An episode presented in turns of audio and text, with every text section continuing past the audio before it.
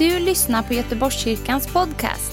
Vi vill att den ska hjälpa dig och uppmuntra dig där du är i vardagen.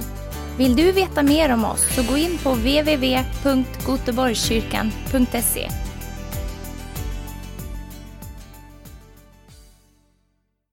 Så, god förmiddag. Mår ni bra? Härligt. Eh, jag ska prata om Guds pärla idag. Och vi har hört många olika tolkningar om det.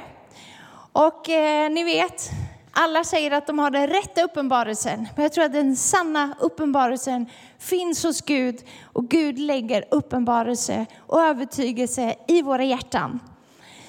Men eh, för dig som är ovan vid liksom begreppet församling. Församling handlar ju om, vi har talat flera söndagar nu som Christian sa, om församling, om att vara en del av en gemenskap och så vidare. Eh, men Guds plan för sitt folk sträcker sig så mycket längre än vår upplevelse av vad församling är. Genom alla tider så har Gud alltid haft en långsiktig plan för sitt folk. Håller du med om det? Yes. Så eh, Gud, liksom, vi vet redan i, i början av Moseböckerna hur Gud liksom har en plan för sitt folk, plan för sin, liksom, eh, det folket som var utvalt och plan för sin församling. För att Israel, Guds folk, är ju också en bild på församlingen.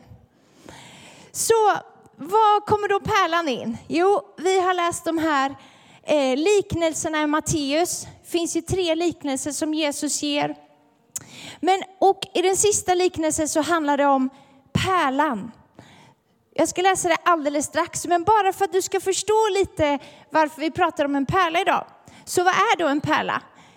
Ni vet att har man gått på olika så barnverksamheter så är allt som är litet och har ett hål i kallas pärla. Känner ni igen det? olika syntetiska material, plast och vad den kan vara. Så fort det har ett hål litet så man kan trä den på en tråd så kallas det pärla. Och det var faktiskt det man började göra med pärlor. Man fiskade pärlor, alltså det är sedan flera hundra år tillbaka. Till och med Linné i Sverige började odla pärlor på 1700-talet. Men om man då googlar på pärla, för ni förstår att jag kan inte allt det här av mig själv. Så jag har googlat och läst på väldigt många olika, ni vet, källkritisk. Okej, okay. men pärlor då. En del säger att de bara kan bildas av sand, av att ett litet sandkorn kommer in i en mussla eller ostron. Men det kan vara vad som helst, för litet skräp eller något föremål eh, som kommer in i själva det här ja vad heter de, Muskuluskdjur någonting. Ja, ni hör att jag inte är en stjärna på det här. Men när det kommer in då i de här muskeluskdjuren, vad de nu heter, ostron eller eh, ostron. Och, nej, nu tappar jag tråden här. Så okej, okay, när ett skräp eller liksom en liten grej kommer in så finns det så här pärlemo inne i skalet i det här djuret som börjar läggas, bildas för att skydda djuret på insidan så kommer det så här lager på lager som slipas. Och det kan vara plankton eller det kan vara olika skräp som kommer in. Så ur det här skräpet så kommer det lager av skimmer, det förfinas, det ligger där, det verkas i lång, lång tid. Men, men hur, hur, hur kommer då det här med Guds församling in? Låt oss läsa från Kärnbibeln, är väldigt bra på att förklara det här kapitel 13 och vers 44. Jag läser från kärnbibeln här, ni får kanske en annan tolkning bakom mig här. Men de har också förklarat på ett väldigt, väldigt bra sätt. Det står i kapitel 13, vers 44. Så kommer en förklaring först att Jesus fortsätter att undervisa lärjungarna enskilt Himmelriket, alltså Guds herravälde som finns överallt där hans vilja sker, är som en dyrbar skatt som blivit gömd i en åker. En man finner den och glömmer den igen. Och i sin glädje, och, och gömmer den, förlåt, viktig bokstav som hoppar in. En man finner den och gömmer den igen. Och i sin glädje över upptäckten. Såklart, hittar man en skatt så vill man inte ropa ut det till alla liksom, här finns guld. Utan då gömmer man den. Och han går och säljer allt han äger och köper åken.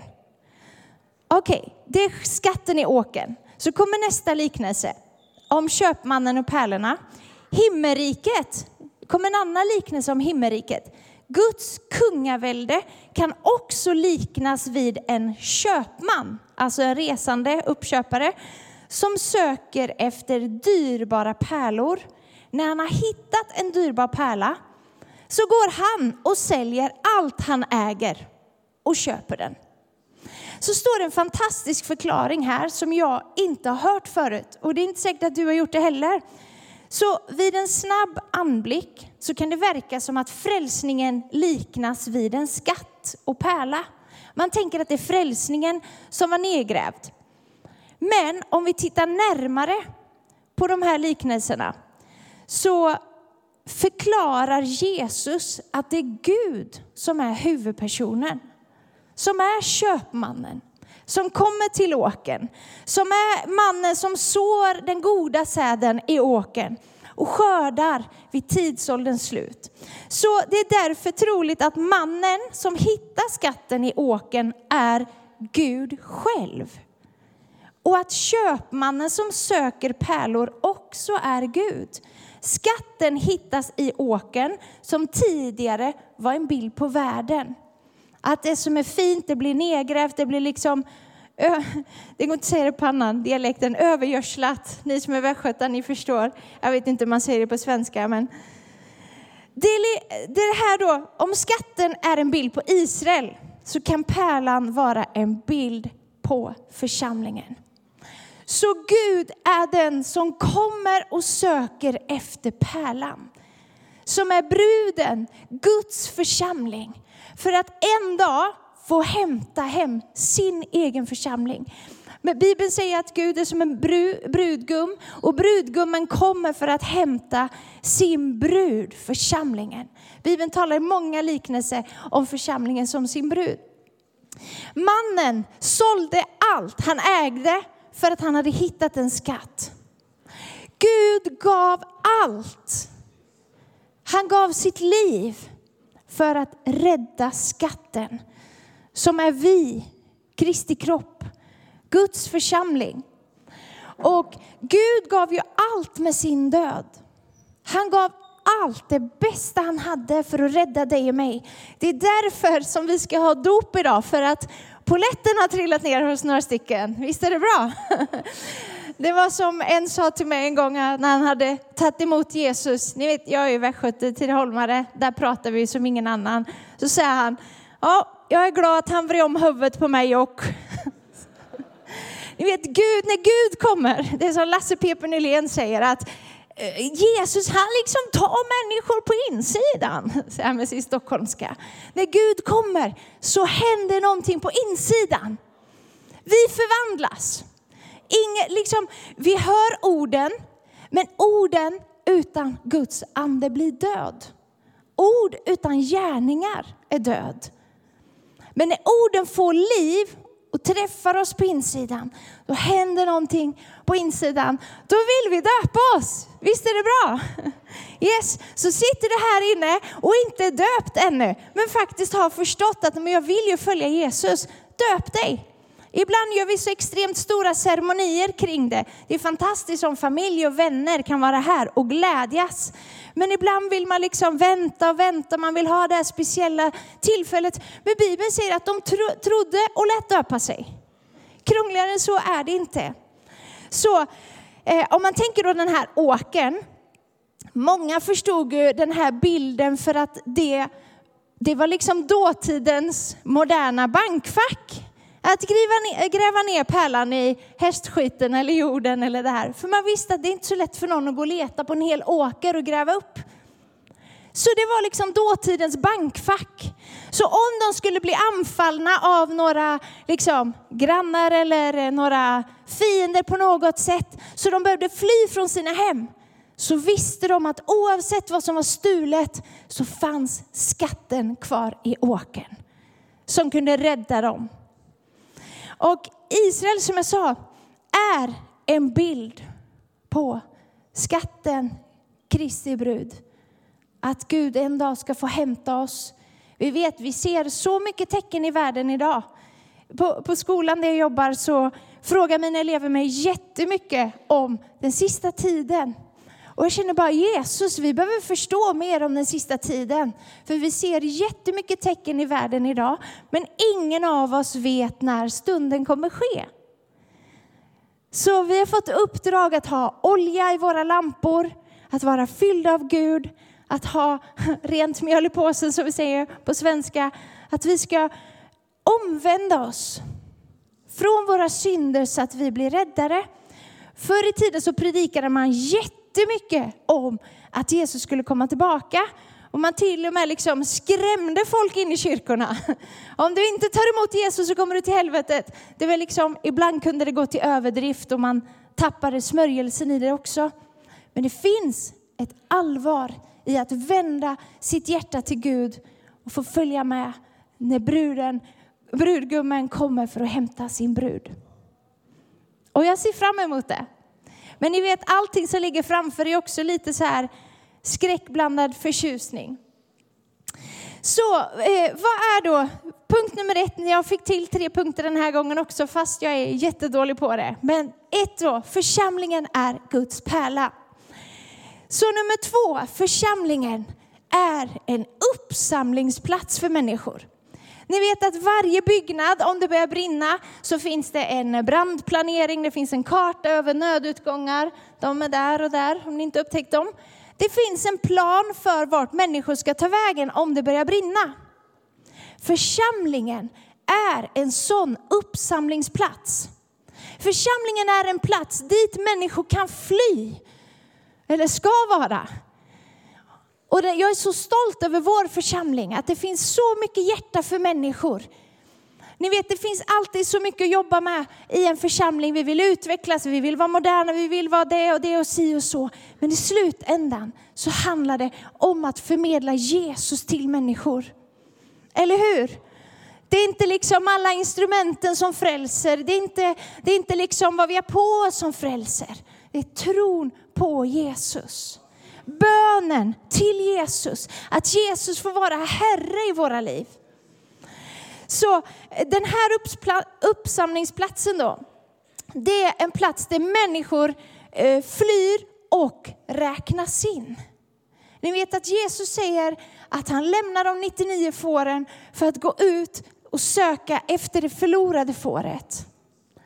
Varje söndag är en uppsamlingsplats när vi, när vi samlar till gudstjänst. Vi vill samla människor, vi vill vara en kyrka, en plats dit människor får fly för att rädda sig från elden, från det tuffa i livet. Få hjälp av Gud, få hjälp av människor, få hjälp av dig i bön, få hjälp i samtal, få hjälp på olika sätt. Att koppla in en uppsamlingsplats är också en plats där man kan få hjälp med sina behov med mat. Man kan få kärlek, man kan få någon att luta sig på när man har det tufft. Vi kan inte göra livet själva. Här blir du räknad. Sen vet jag att vi misslyckas, vi är bristfälliga, vi är människor. Vi hör inte liksom den fulla sanningen. Vi gör fel, vi säger fel saker. Men vi vill vara en församling som älskar Jesus, där människor bara vet, går jag dit, jag hör det är så fantastiskt roligt, man hör ju liksom när människor är nya kommer hit. Ja men det var den som tipsade mig, det var hon som sa att jag skulle gå hit. Och det man hör människor säger att vi fick så bra bemötande. Och jag hoppas att vi bara ska få växa i det. Vi kan liksom inte, yes we made it. Utan vi behöver fortsätta jobba på att vara en kyrka som bryr sig om människor, som lyfter människor. Man ska inte stanna hemma för att livet är tufft, man ska komma för att livet är tufft. Man ska komma hit, ta med sin smärta, man ska ta med sig sin sorg. För man bara vet att tar jag mig bara till kyrkan, till gemenskap till människor älskar Jesus, så underlättar nästa vecka också. Vi vill bygga ett kids för att människor, ensamstående, två föräldrar, det är oavsett vad man kommer med, så ska det här vara en plats där man som trött mamma kan få komma och fylla på. Eller trött pappa, eller trött stora syskon. Du som kämpar ska få bara uppleva hur Jesus är den som lyfter. Men kom inte med förväntningar på att människor ska göra det. Kom med förväntningar på att Jesus vill röra ditt hjärta. För människor kommer vi alltid bli besvikna på. I'm sorry to say, men så är det. Vi kommer göra fel saker, vi kommer säga fel saker. Men Gud gör inte fel. Han lämnar de 99 för att söka dig. Du som behöver det här så mycket idag. Du som behöver bara få känna, jag måste få vara med. Det människor bryr sig. Nummer tre.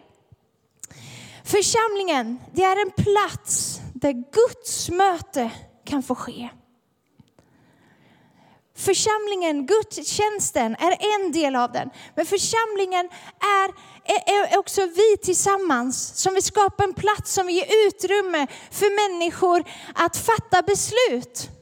Det finns en forskning inom svensk frikyrklighet som säger, inom pingst, så står det att i studier av gudstjänster så visar det tydligt att även om målet är att den enskilda personen ska fatta personliga beslut och göra personliga erfarenheter, så sker det i ett sammanhang där den övriga gudstjänstfirande församlingen bidrar till ramen av personliga beslut och erfarenheter.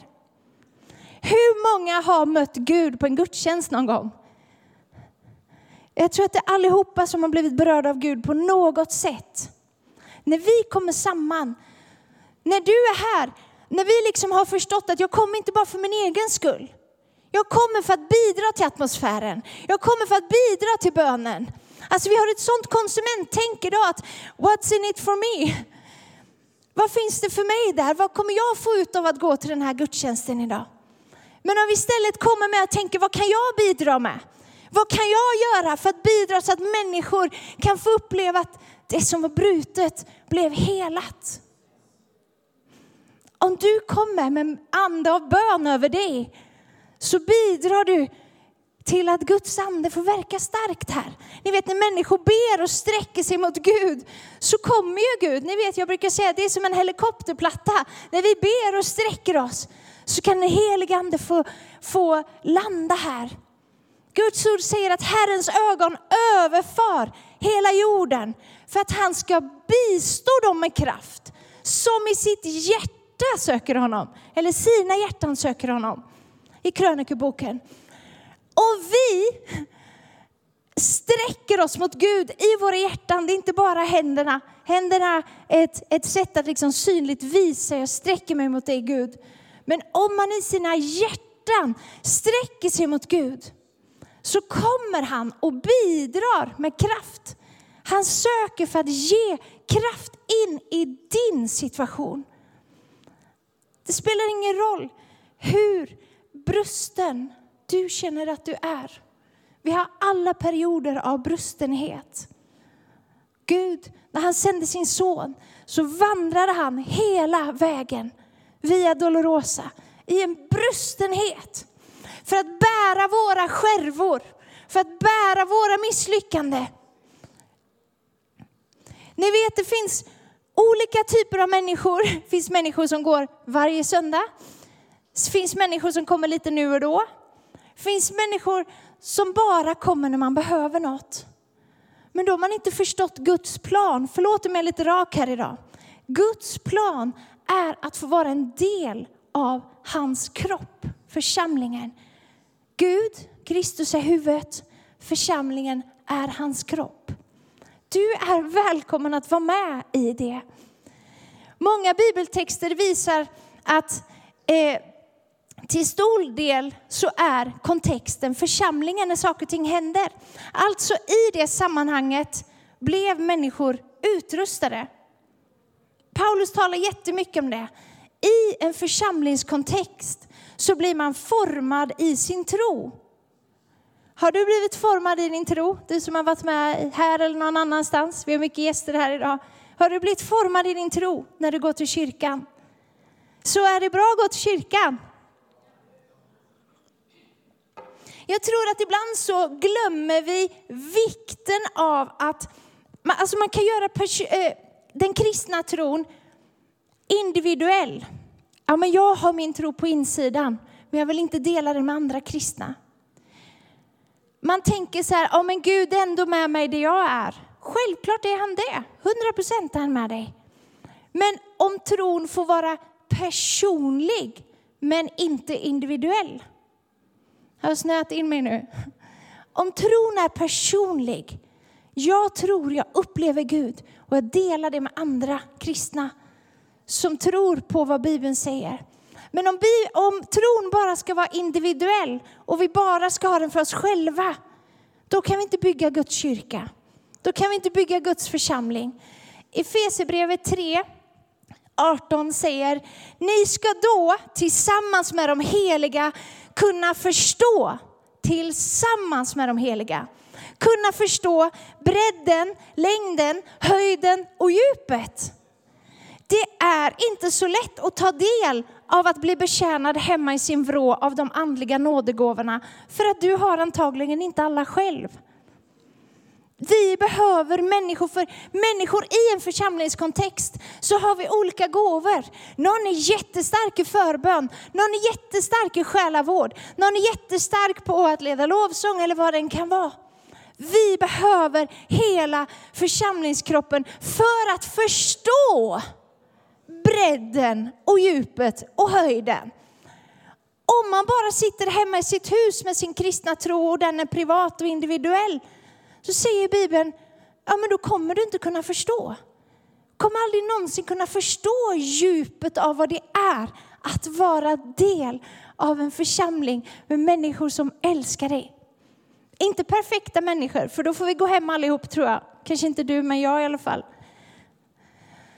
När Paulus skriver det här bibelordet så beskriver han hur tron fördjupar det som är tillsammans med andra. Tron formas i gemenskapen. Tron formas när vi går till kyrkan. Självklart liksom så har vi en del hemma också, i vår bönekammare, i våra stunder med Gud. Det är bibelläsningen, förbönen och allting. Men tillsammans så kan vi betjäna varandra i de andliga nådegåvorna och så vidare. Ordspråksboken säger, eh, kapitel 22, vers 6, eh, talar om de unga, om vilken väg de ska följa. Vänj den unge vid den väg han ska vandra, så viker han inte av från den när den är gammal.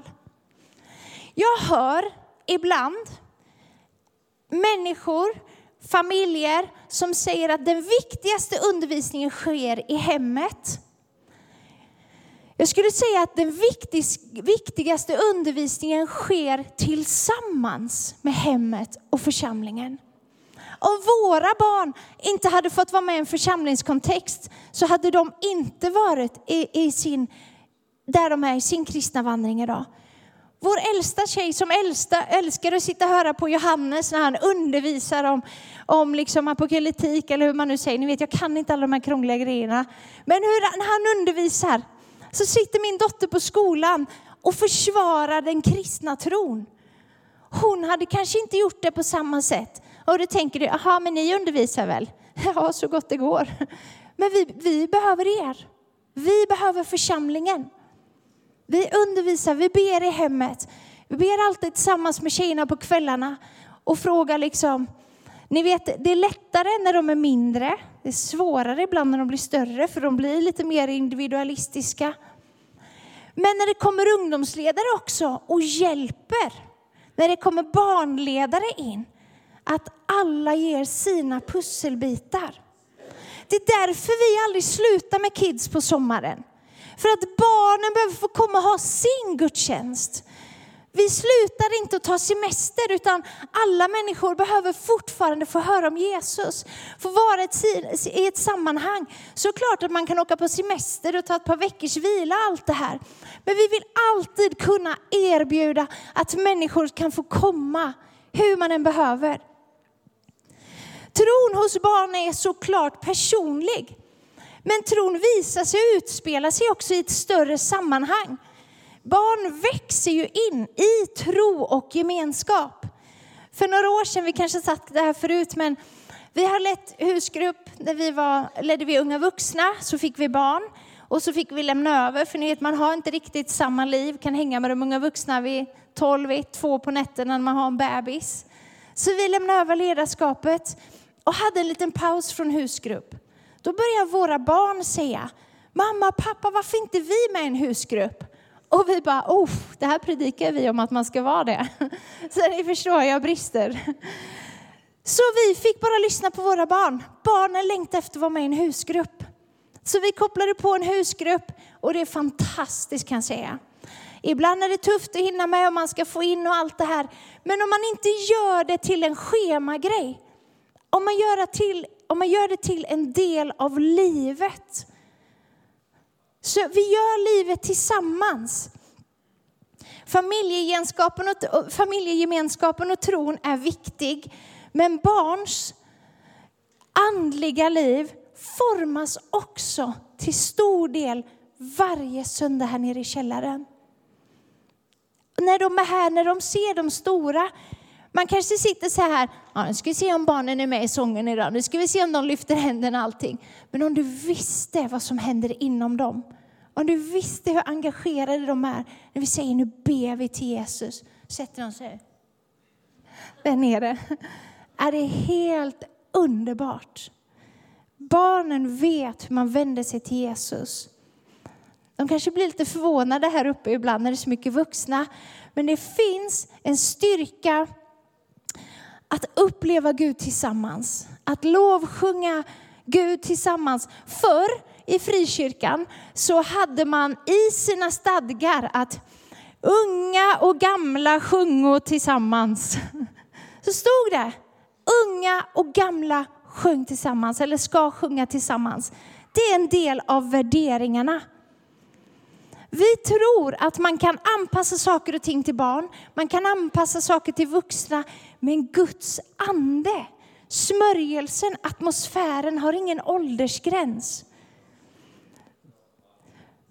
Ni vet den här tjejen jag berättade om som jag stod med på min höft här, ett barn. Vi hade en sån stark atmosfär i gudstjänsten så har jag ett av de här små barnen på min höft och jag ser hur tårarna rullar ner för hennes kinder. Hon var då tre kanske, två och ett halvt, tre. Och jag tänker så här, oj hjälp, är hon ledsen eller någonting? Så frågar jag, vill du gå till pappa eller mamma? Nej, säger hon. Så lägger hon sig på axeln bara. Och jag bara upplever hur den helige ande över henne. Den helige ande har ingen åldersgräns. Den helige Ande vill röra vid ditt hjärta, vid mitt hjärta, han vill röra vid barnens hjärta. Men om vi inte kommer till gudstjänsterna och med och bidrar med ditt böneliv, med mitt böneliv, då skapar vi inte tillsammans de förutsättningar. Det är klart vi kan diskutera det här massor, men ni förstår vad jag menar. Vi vill tillsammans skapa och bygga en atmosfär så Gud kan bara komma till det. Många föräldrar känner väldigt mycket press. Jag hör när jag samtalar med föräldrar, inte bara här eller också i andra sammanhang. Man känner press. Hur ska jag hinna undervisa mina barn? Jag vill vara den här perfekta mamman som gör det och det och det och det. Jag tror att mammor kanske känner lite mer press än pappor. För man, jag vet inte, killar kanske har lite lättare, men de får det då och då och så vidare och tro att det finns ett större syfte från Gud än bara det vi klarar av att prestera som föräldrar. Så jag skulle bara, du som är förälder här, som känner den här pressen.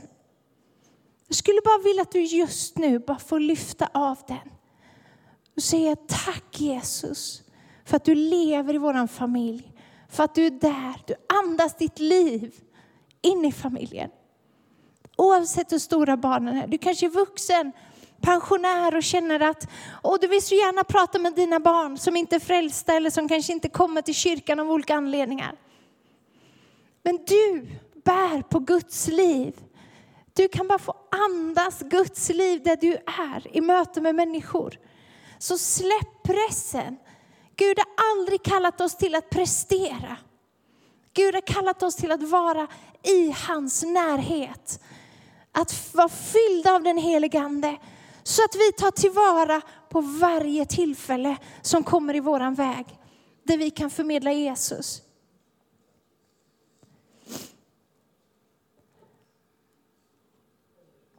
Jag tänker på Mose, när han blev kallad att ta folket ut ur Egypten, så var det tre saker och ting som, som var väldigt viktigt. Det första var att folket kallades ut av Gud för att de skulle komma ut ur frihet från slaveri. Och det andra var att de var på väg till sitt hemland. Det tredje är att de var kallade ut för att fira gudstjänst. Jesus kallar oss ut till en frihet från bundenhet, från press och krav. Men vi lever inte för oss själva. Vi lever med Gud, av Gud. Vi skapade åt Gud för att tillbe honom, för att leva ett liv i tillbedjan. Vi är kallade att vara på väg på en vandring till vårt hemland, det slutgiltiga målet som är himmelriket. Guds himmel, där vi ska få vara tillsammans som brud. Vi ska få stå där tillsammans med honom, få fira i evighet. Men jag vill ha med mig så många som möjligt innan. Och jag tror att det behöver vara vårt fokus också, för det är så lätt att vi blir de här individualisterna, att ja, bara jag blir uppbyggd, bara jag får mer och mer. Men om man kommer till en församling, är med, bidrar, inte bara äter i huset. Om man är med och bidrar så får man så mycket kärlek till människor. Då vill man vara med. Okej, okay, om vi fixar det här, du kanske ser någonting som inte funkar i kyrkan. Var med, kom med dina idéer så vill vi bidra till att bygga starkare verksamhetsområden. Vi vet att vi hade helst velat ha liksom en eh, god afrikansk kör här varje söndag som hade fått huset att bara lyfta och massa musiker. Men just nu har vi inte det. Men Gud är här i alla fall. Men vissa söndagar har vi det. Första advent, då kommer taket lyfta. Då har vi kör och fullt med instrument och barnkör och allting. Vi gör på olika sätt, men vi kan inte fastna i att det ska vara på ett visst sätt för att vi ska kunna växa i vår andliga tro. Då har vi liksom inte fattat poängen. Vi ska vara en räddningsbåt för människor som går förlorade. Vi ska vara den här stora, trygga båten där du och jag kan få uppleva Jesus också. När vi betjänar människor så blir man uppbyggd själv. För man lär sig om, alltså du kommer bli förvånad över hur mycket Gud gör in i våra liv. Om du inte har prövat på att hjälpa människor förut. Samtal, be, förbön, olika sätt. Och bjuda med. Bjuder man med en person så kommer du känna sån lycka. Ibland kan man bli besviken. Jag frågar människor inför varje söndag nästan. Ja, varje söndag om, om någon vill följa med. Och tror ni jag har fått många nej? Ja, det har jag. Jättemånga. Men som tur är så har jag varit telefonförsäljare förut, kanske inte märks. Så jag vet att efter alla nej så kommer ett ja. Eller hur? Till slut så kommer ett ja. Woo! Och jag bara väntar på det där jaet. Jag väntar på att den ska säga ja. Och det kommer nya människor varje söndag. Men om inte du och jag välkomnar, tar hand om, krokar arm, det här gör vi tillsammans. Så blir det inte samma grej. För du behövs. Och Jesus säger till Petrus, efter att Petrus har förnekat honom tre gånger, säger Jesus, älskar du mig Petrus? Älskar du mig? Älskar du mig? Och det sista han säger, om du älskar mig, ni kan komma upp lovsångsteam, så föd mina lamm. Ta människor till en plats där de kan få äta andlig mat. Ni vet att det kommer alltid finnas massa hinder i vår vardag. Djävulen älskar att lägga krokben för oss för att vi inte ska gå till en kyrka. Ja, men jag jobbar, jag gör det, det är det och det är det och jag orkar inte och den fick feber och det är si och så. Men i Jesu namn, bryt med omständigheter. Har du tuffa situationer så kom så att vi kan få be för dig. För vi älskar att ha dig här. Vi vill att du ska vara här, vara tillsammans. Ska vi ställa oss upp?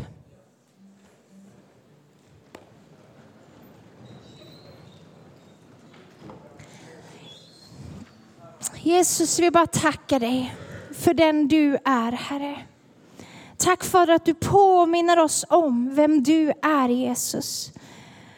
Tack Fader att du kommer med din övertygelse om vad du har tänkt och planerat för din kropp, församlingen, Herre. Tack att församlingen är din pärla, Herre. Den som du formar, som du lägger skimmer på, som du hämtar hem till dig, Herre. Tack att du är den som kommer, såningsmannen som sår, du är den som skördar. Du är köpmannen som kommer och gräver upp pärlan och tar den till ditt hjärta, Herre. Tack Fader att vi bara kan få vara del av den pärlan, Herre. Den ska inte gå förlorad. Den ska inte bli bortkastad, Herre. Vi vänder våra hjärtan till dig, Jesus. Och jag bara tackar dig, Fader. Tack Jesus. Tack att du kommer med din närhet just nu, Herre.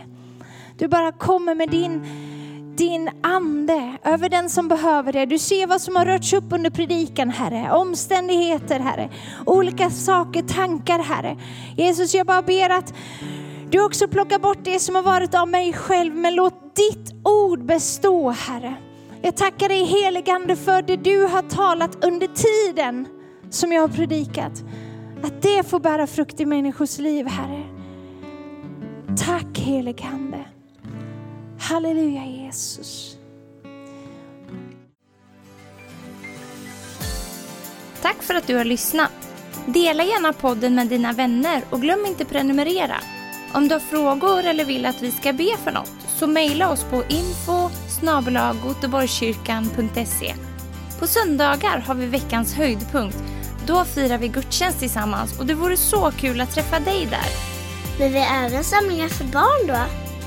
Gå in på vår hemsida goteborgskyrkan.se så får du veta mer. Välkommen till oss!